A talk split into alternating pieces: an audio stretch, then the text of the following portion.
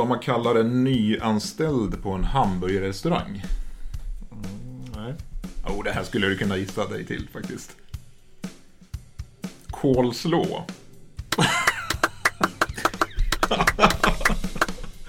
Va? Nej, okej, det var inte lika kul. Jag tycker det är roligare när det inte är rätt. Det ska ju vara nybörjare, men ja. Hovmästaren. De här köttbullarna sjunger på sista färsen. Ja, den, den är ju också väldigt bra.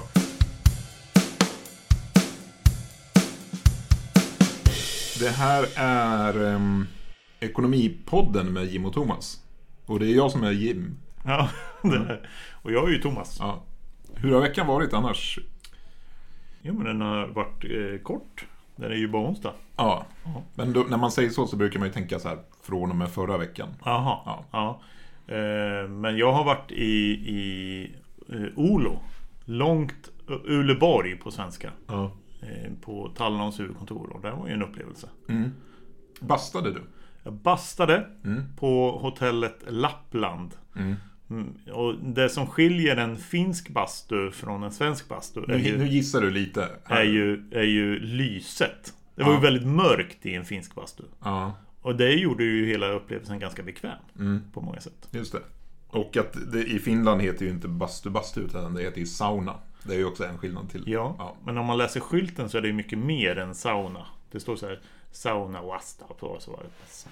Ja, det, det var din finska där. Ja, det. Märk, märkte du hur jag gick ner Ja, i, volym? Ja, så att man inte riktigt hörde vad det sista där var. Ja, för att jag inte kan finska. ja, precis. Ja, men det, det är väl en bra idé. Antexi. Vi hade tänkt byta namn på den här podden. Men nu inget, vi har inte fått in så jättemånga förslag.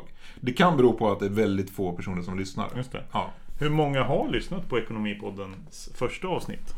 ja vi, jag gissade väl på en, en fyra, fem stycken.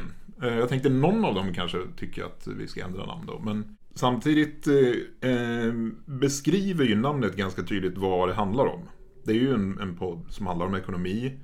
Och lite, som är lite trevlig sådär. Och sen är det du och jag. eh, Och det är ju våra namn då. Vi kan ju förstås ändra våra namn. eh, Om det är de som är tråkiga. Jag tror vi tog upp det förra gången också. Men inget, jag har inte fått något förslag på ditt namn. Jag tycker jag har ganska kul namn ändå. Ditt Thomas är ju mer vanligt. Du borde. Tycker du att jag ska byta namn? Ja. Eh, Jag känner mig lite... Nej men, eller ta något av dina smeknamn istället. Jag känner mig lite taggad till det. Ja. Jag har ju alltid velat heta Gunnar. Ja men du heter ju Gunnar. Ja, exakt. Men alltså, bli kallad Gunnar. För min, Ja. min morfar Gu- Gunnar var så skön. Så det skulle kunna bli Ekonomipodden med Jim och Gunnar. Jim och Gunnar. Ja. Men eh, något smeknamn. Tompa Pupinne.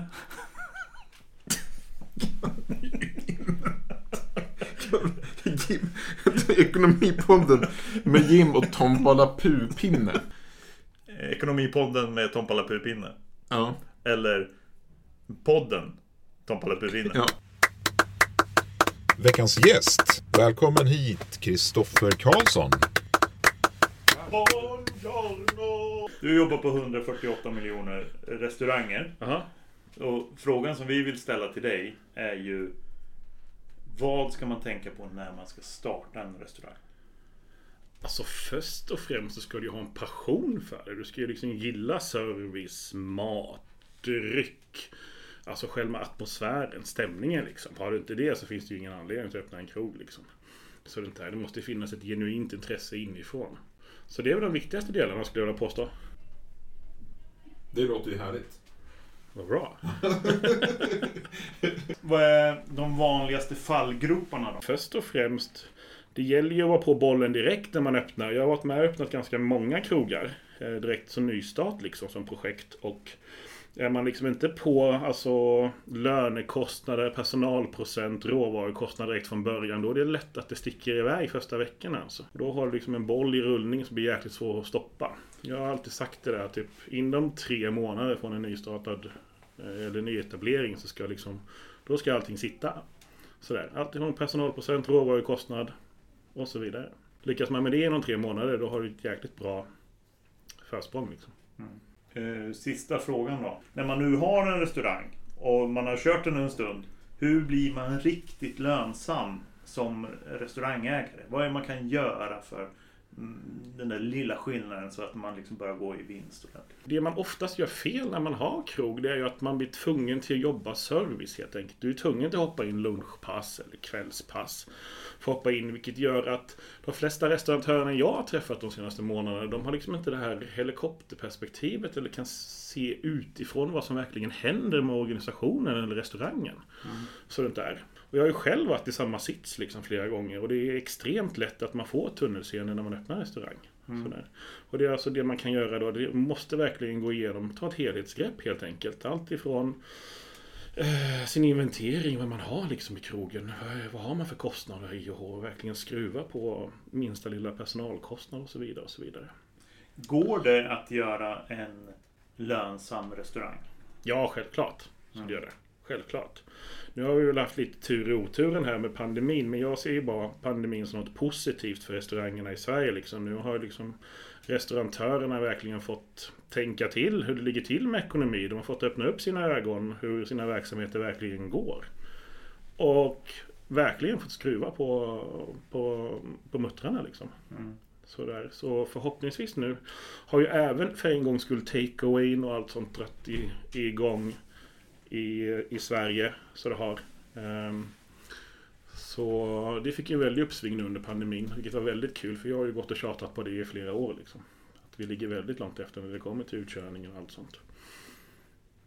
Du, eh, vi vet att du har bråttom här men eh, topp tre maträtter att servera på en restaurang med lönsamhet. Köttbullar med potatismos. Ja. Sådär. Gott. Jag säger... Jag säger panerad fisk för det ja. går att köpa väldigt bra fisk ganska till bra pris. Ja. Så jag gör. Och sen måste vi ju köra med sallad. Alla älskar sallad. Alla älskar sallad. Ja. ja. Du, älskar du sallad? Jag åt sallad idag. Ja, det gjorde Snyggt. Ja. Vad för sallad? Jag åt en caesarsallad. Oj! Oväntat. Jaha. Inte så. Tack så mycket Kristoffer Karlsson för att du var med i podden. Nu har jag glömt att fråga dig hur du mår, så nu vill jag ändå ta det. Hur ja. mår du Jim? Ja, men det är toppen. Mm. jag åt en jättegod glass igår. Ja. Eh, som... Gjord av? Ja, det var eh, karamell och sen var det typ så här choklad och lite och salt i. Mm. Ja. Tänk att det är så gott med salt i. Ja, det är jättegott. Ja, ja. Hur tyckte du Jim att det var att spela in en podd om restauranger?